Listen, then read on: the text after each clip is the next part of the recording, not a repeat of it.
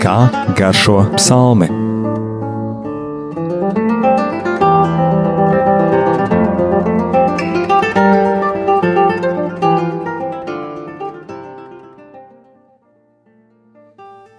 Slavēts Jēzus Kristus. Mūžīgi mūžos slavēts. Studijā ir Stela un Anģela. Anģela.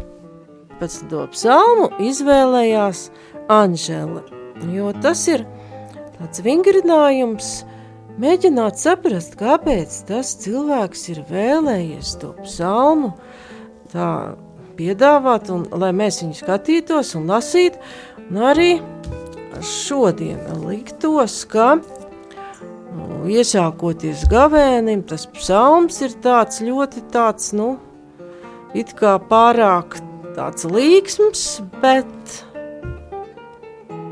tā ir slavas dziesma Dievam, šis 19. psalms.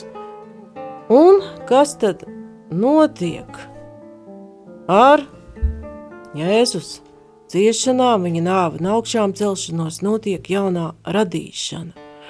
Un 19. psalmā Dāvids ir apbrīnojis tos darbus, kurus Dievs ir darījis pašā iesākumā, kad viņš visu ir radījis, ir abrīno viņš viņa likumu, un psalma noslēgumā viņš runā ar Dievu pats un lūdz Dieva vadību un apredzību, lai kungs notur ķēniņu sava likuma jos ietvaros, lai valdnieks būtu spējīgs šo likumu saskatīt un pildīt. Tad 19. psalms nav pārāk garš. Krievu tulkojumā tas ir 18. Pieteikts kā Dāvida dziesma un dziedātāju vadonim tātad ar kora vadītāju to dziedātāji var dziedāt. Un iespējams, ka arī neviens vien komponists ir jau devis melodiju šim psalmam. Un pēc uzbūves varam redzēt tādas trīs daļas, ka sākumā psalmists apcer šo dieva godību un ka šī radītā pasaule, viss, ko viņš ir radījis, jau kā tāds runā uz cilvēku un norāda uz radītāju. Un to mēs redzam no otrā līdz septītam pantam. Tālāk psalmists apdzied kunga likuma skaistumu un pilnību, un to, kā šis likums darbojas cilvēka dzīvē. Kā šis likums dara labu tam, kurš viņu pilda. Un pašās beigās no 12. psalma Dāvids runā par sevi. Arī viņš gūst labumu no baušļiem. Lūdz kungu viņu šķīstīt un pasargāt no augstprātības lepnības grēkiem, ka tie nevalda pār mani.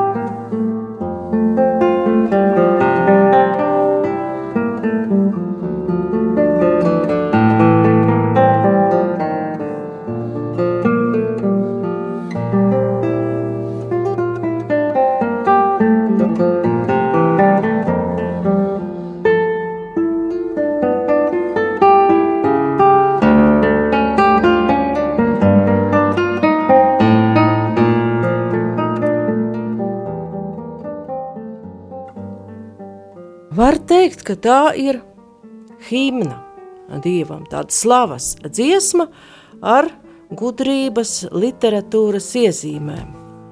Un ko mēs redzam jau pašā sākumā, kad debesis daudzina dieva godu, izplatījums viņa roku darbu, diena dienai to paužu nakts naktī.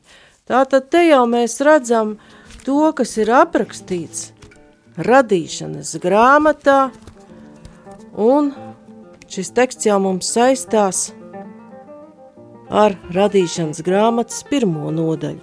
Iesākumā Dievs radīja debesis un zemi. Piektais pants, un Dievs nosauca gaismu diena, un tumsu nosauca nakts, un tapa vakars, tapa rīts, viena diena. Tātad Dāvids ar īsu teikumu ir pieskāries šim radīšanas darba varenumam. Un 4. pantā viņš norāda uz to, kas mūsdienu pasaulē dažkārt it kā piemirstās. Nav nekādas valodas, nedzird ne vārda, neskan to balss. Tomēr to vēsts iziet pa visu pasauli un to pausme līdz zemes galiem. Un kāpēc? Jo, nu, redzam, tik tiešām tie visa radītā pasaule, tas debesis jums ar daudzajām zvaigznēm jau cilvēku valodā nerunā. Un ja mēs sabrīnojam augus, ziedus, kokus, kalnus, visu šī daba arī it kā cilvēku valodā mūs neuzrunā. Un ka tie, kam ir kāds mīļš dzīvnieciņš mājās, skatās sava kaķa acīs no cilvēku valodā, arī šis dzīvnieks viņu neuzrunā, bet šī pilnīgā kārtība un saskaņotība, kādā darbojas visums, kā savu ceļu iet planētas, kā ir izveidots katrs stāsts, katrs augs, katrs dzīvnieks, un visbeidzot arī cik pilnīgs ir izveidots cilvēks, tas liecina par to, ka tas nav radies nejauši. Un kā karmelīte saka, tās ir dieva pēdas, kuras mēs redzam radībā.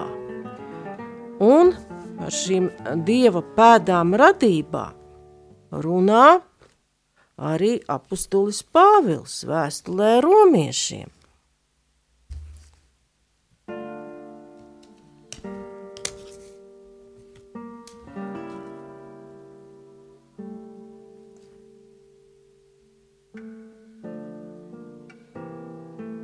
Pirmā nodaļa, 20.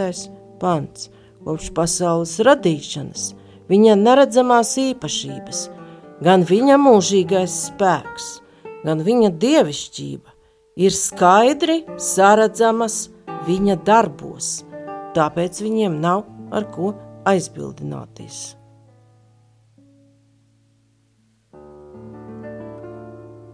Un tālāk Pāvils runā arī par to 23. pantā vēstulē romiešiem pirmajā nodaļā un apmainījuši neiznīcīgā dieva godību pret iznīcīgam cilvēkam un putniem, lopiem un rāpuļiem līdzīgiem tēliem. Tāpēc Dievs viņus viņas sirds kārībās nodevis izvirtībai, kurā viņi paši sākuši sagandēt savas miesas, tāpēc, ka viņi dievišķo patiesību apmainījuši pret meliem, un sākuši dievināt un pielūgt radību, atstājot novārtā radītāju, kas ir augsti teicams mūžīgi. Āmen. Tā par šo radību, ka tā jau kā tāda liecina par radītāju runā apustulis Pāvils. Arī vēl varam lasīt um, atkārtot likuma grāmatā, tad tas būs mums 4. pants. Nodaļā, 4. nodaļa, 19. pants. Necels savas acis uz debesīm, kad redzi sauli, mēnesi, zvaigznes vai jebko no visiem debesu pulkiem. Neļaujies paveidināties, nezemojies tiem un nekalpo tiem. tos kungs tavs dievs piešķīris visām tautām, kas zem debesīm. Paldies! Tā kā šeit mēs redzam šajā fragmentā, ko Anģela nolasīja, ka šis norādījums redzēt Dievu kā radītāju ir nostiprināts arī Torā. Atkārtotā likuma grāmata tā ir piektā mūzes grāmata, tā tad ietilpst piecās likuma grāmatās. Un kāpēc tad tur tas ir teikts? Ja mēs atceramies senajā pasaulē, kādi bija šie kulti, un ja atceramies, no kurienes izgāja Mūzus, Mūzus izveda tautu no Ēģiptes. Varam atcerēties, ka tur arī bija kulti veltīti daudziem un dažādiem dzīvniekiem, un ka tās dievības tika atainotas kā dzīvnieki, bija arī saules kults, un saules kults Amon Rā bija eģiptiešiem saules dievs, bet saules kults bija raksturīgs diezgan daudzām tautām.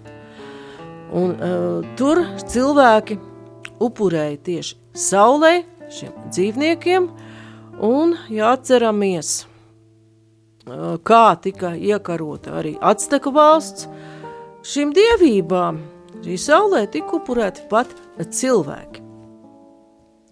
Un tāpat eh, par svētiem tika pasludināti dažādas radības, par kurām nu, reizēm mums pat šķiet diezgan dīvaini, kā piemēram eģiptieši uzskatīja par svētu mēslu vaboli, jeb skarabeju, un savukārt viņiem tā bija kā saules simbols. Un vēršoties pret šādām lietām, ir iekļaut šie vārdi atkārtotā likuma grāmatā, un Pāvils to runā ņemot vērā arī situāciju tajā laikā un tajā pasaulē, kur viņš dzīvoja, kur bija un attīstījās imperatoru kults, ka vīraks un tika kvēpināts un dievišķs gods parādīts laicīgam valdniekam Romas imperatoram.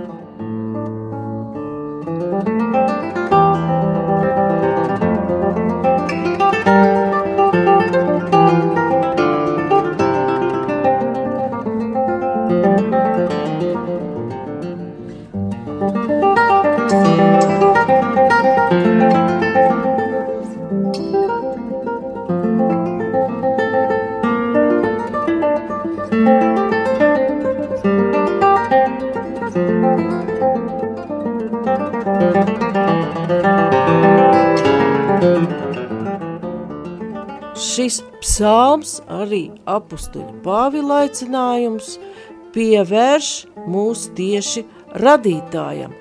Un vai mūsdienās situācija ir īpaši uzlabojusies ar kaut kā cita pielūgšanu Dieva vietā?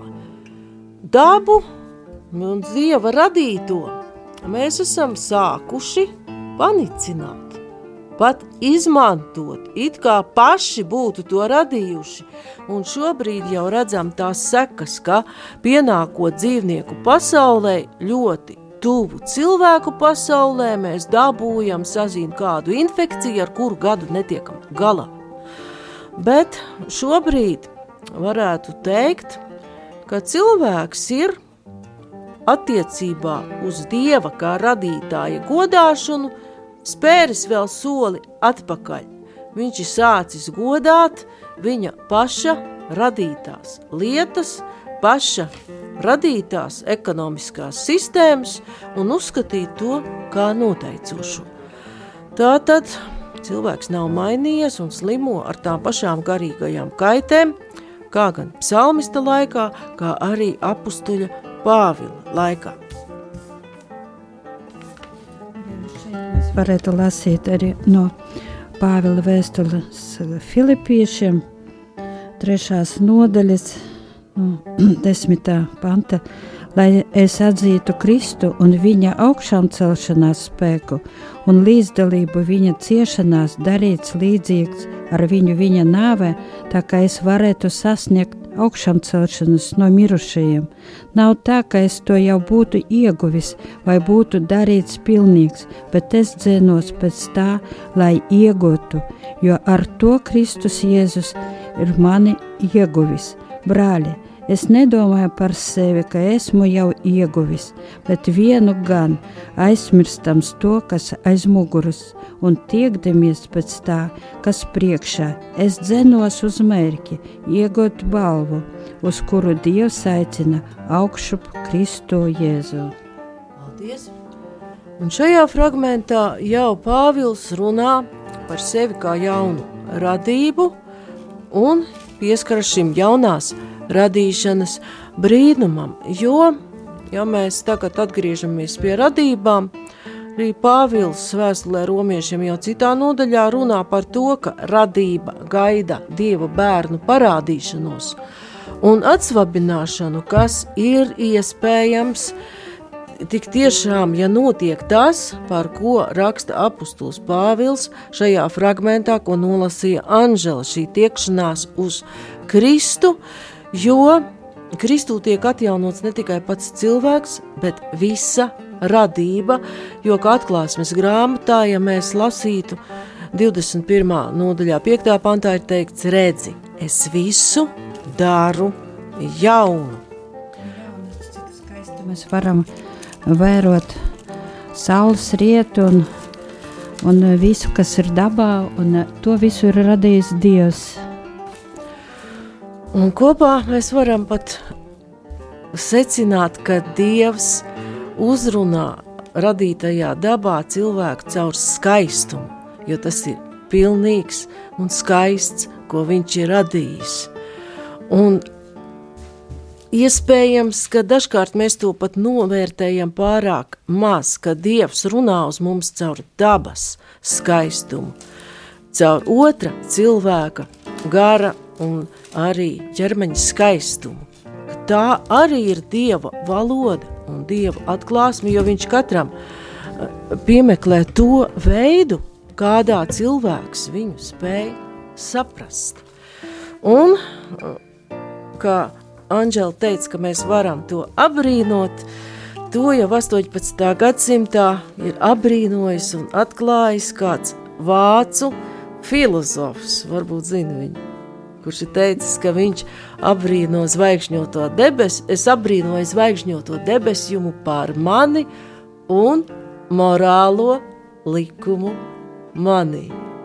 Immanuels Kants. Nu, jā, tas tā Jaskis arī teica, ka tā kā, skaistums glābs pasauli. Jā, tā kā viņi abi, kaut gan viens ir pedantisks vācietis, kurš uh, savu mūžu nekur nebija izkustējies no savas dzimtās vietas, un otrs ir tāds dedzīgs rakstnieks pa visām pasaules vai otrā malā, viņi nonākuši pie viena un tā paša, ka skaistums liecina par Dievu, un Dievs ir tas, kas glābj pasauli, un uzlūkojot skaisto, mēs tuvojamies dievišķajam un paši tomēr tiecamies līdzināties Dievam, atgriezties pie tā tēla, kādā mūsu reizes kungs radīja.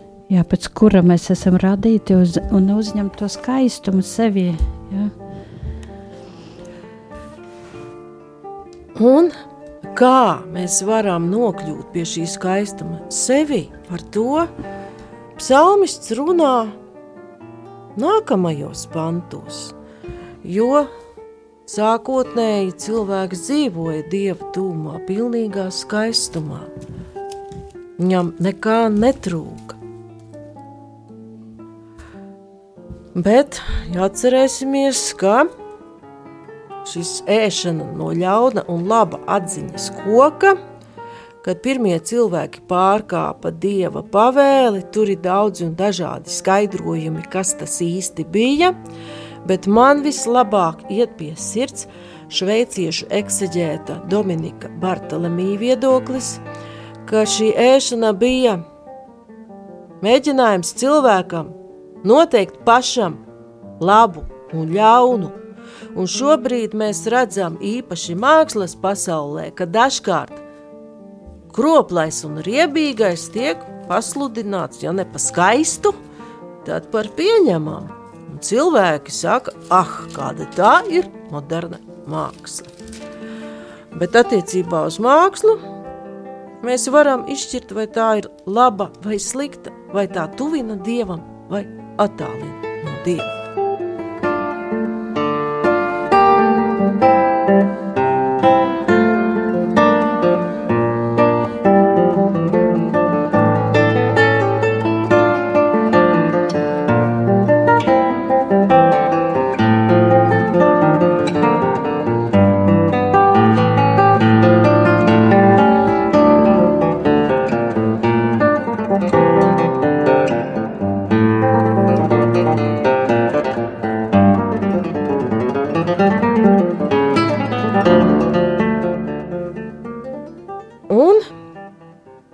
8. panta un tālāk psalmists runā par kunga likumu. Un viņš Un šeit es uzreiz gribēju ļoti izlasīt. labi, ļoti labi. Pāvila vēstule romiešiem, 7. nodaļas, 7. pantu. Ko lai mēs sakām? Bauslība ir grēks, nē, taču, bet citādi es grēku nevarētu iepazīt kā vien caur bauslību, jo es nebūtu iepazinis iekāri, ja bauslība nebūtu teikusi neiekāro. Te apustulis Pāvils runā kā tāds kārtīgs likumu zinātājs, un tā jau ir jaunā derība. Un viņš bauslību atklāja kā tādu palielināmo stiklu, kas uzrāda cilvēkam viņa grēku. Un apustulis Pāvils runā pat visai skarbi. Bet tālāk jau viņš savā mācībā pievēršas arī kunga žēlastībai. Un, ja mēs lūkotos Mateja evaņģēlijā, Jēzus kalna runā, mēs atrastu, ka viņš arī ir nācis bauslību piepildīt, neatcelt. Bet tā kā ķēniņš Dāvids ir pilnībā vecās derības cilvēks, viņš runā savādāk par šo bauslību. Pāvils runā tā ļoti, pat var teikt, bargi. Bet Dāvidam likumi ir pilnīgi un atspirdzina dvēseli. Tā kunga liecība ir patiesa. Un vientiesīgos dara gudrus, tā kunga pavēles ir taisnas, tās dara sirdi priecīgu, tā kunga bauslis ir skaidrs, tas apskaidro acis, bijība, tā kunga priekšā ir šķīsta, tā pastāv mūžīgi, Tā kunga tiesas spriedumi ir patiesība, tie visi ir taisni. Un 11. pants it kā ir ļoti ar tādu pretēju nozīmi nekā raksta Pāvils. Pāvils, ka tas bauslība uzrāda. Un savā ziņā tas ir ļoti labi, ja ārsts uzrāda slimniekam slimību, tad to var ārstēt.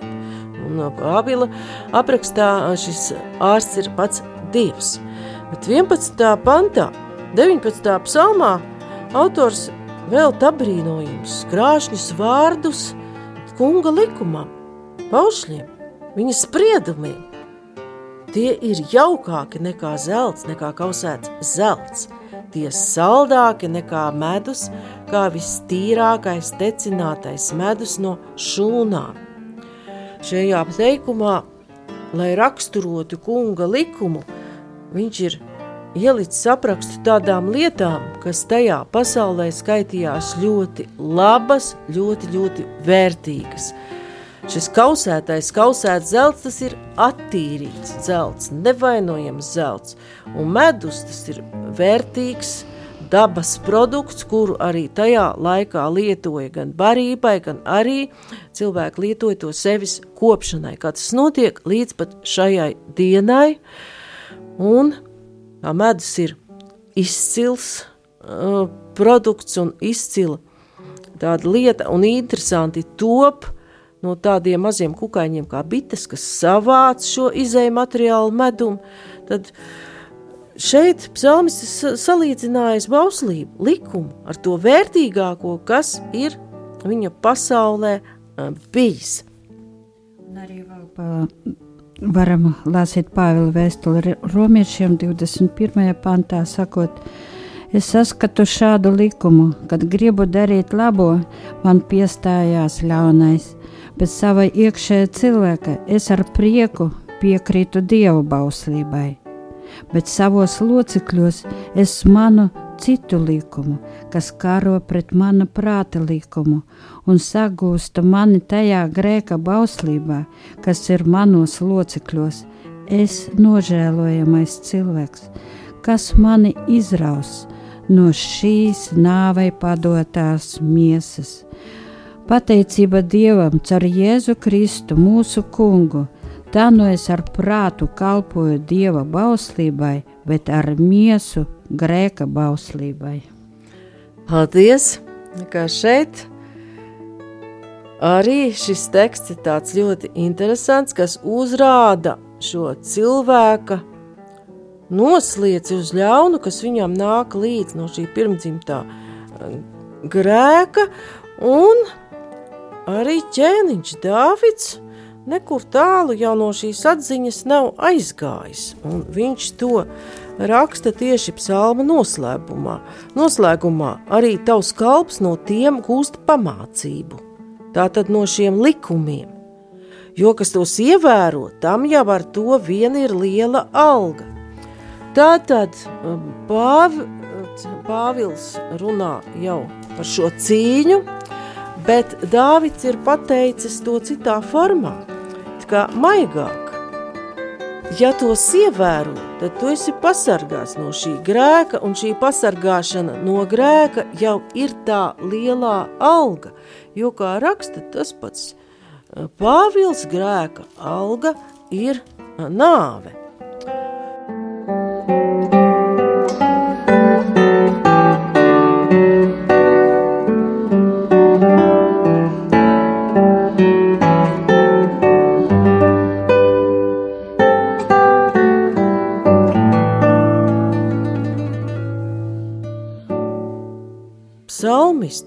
Psalmists lūdz e, kungu, kas gan apzinās savu nomaldīšanos, tā tad viņš ņem vērā to, ka cilvēks dažkārt savu nomaldīšanos var neapzināties, un tāpēc ir šis likums, kuru psalmists raksturo kā skaidru, tādu, kas dara gudru, un Dāvids piemin tādu ļoti grēku, kurš esot viens no septiņiem nāves grēkiem.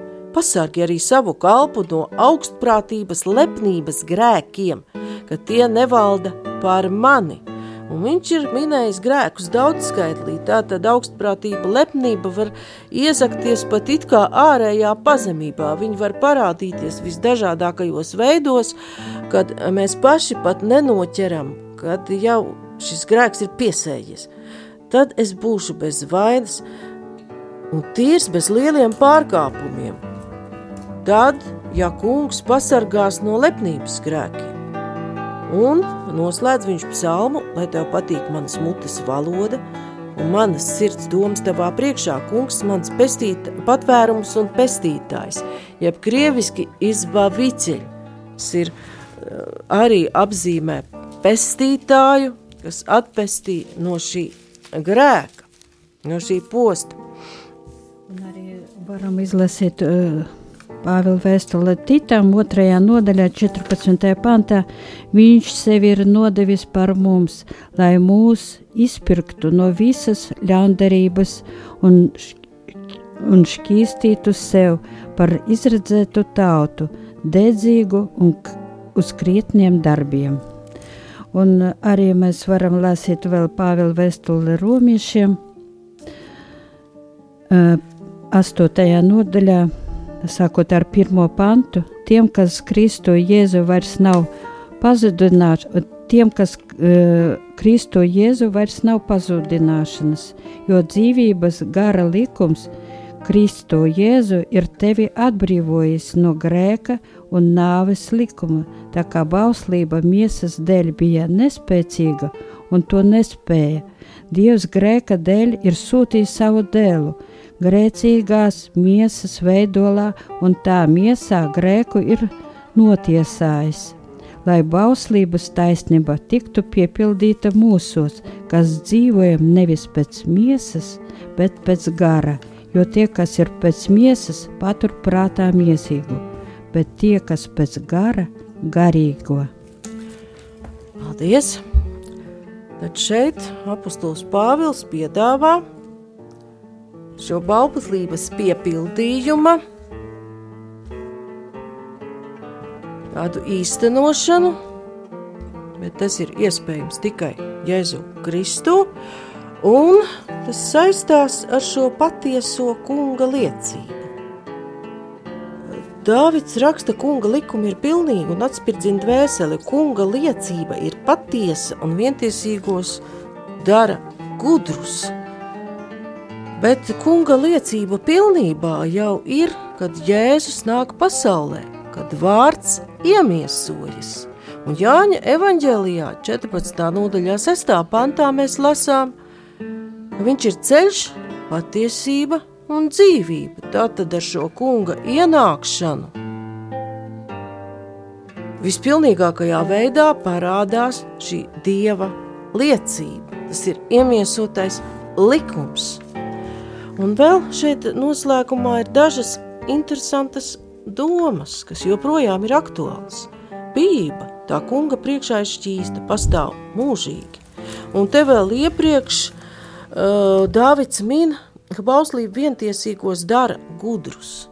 Bet Salamana pamācībās, pirmā nodaļā, mēs varam lasīt, ka gudrības iesākums ir dieva bijāšana.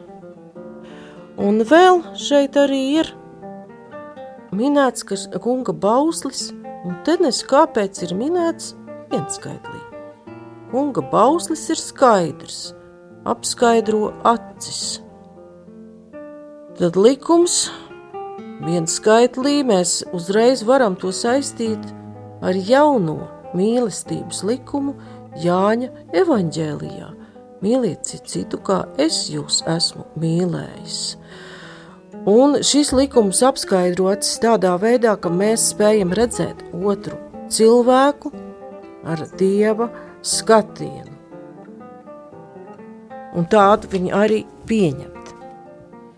Un arī mēs eh, no, eh, no psalma varam lasīt, kunga pavēlis skaidrs tā sirdi ielīgsumo, ja, ka mēs saņemam prieku, kunga prieku, kā svētā gara dāvanu, prieku, mieru un mīlestību.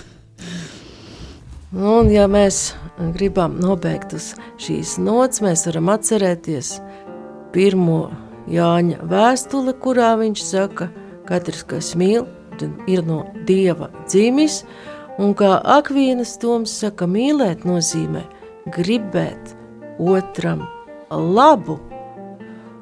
Un šobrīd pat laicīgi cilvēki ir nonākuši pie secinājuma, ka tie, kas grib otram labu dara labu, viņi ir priecīgi, viņi palīdz paši sev. Tātad pat tādā veidā rakstu patiesības piepildās cilvēku dzīvē. Paldies par uzmanību! Studijā bija Stela un Anžela.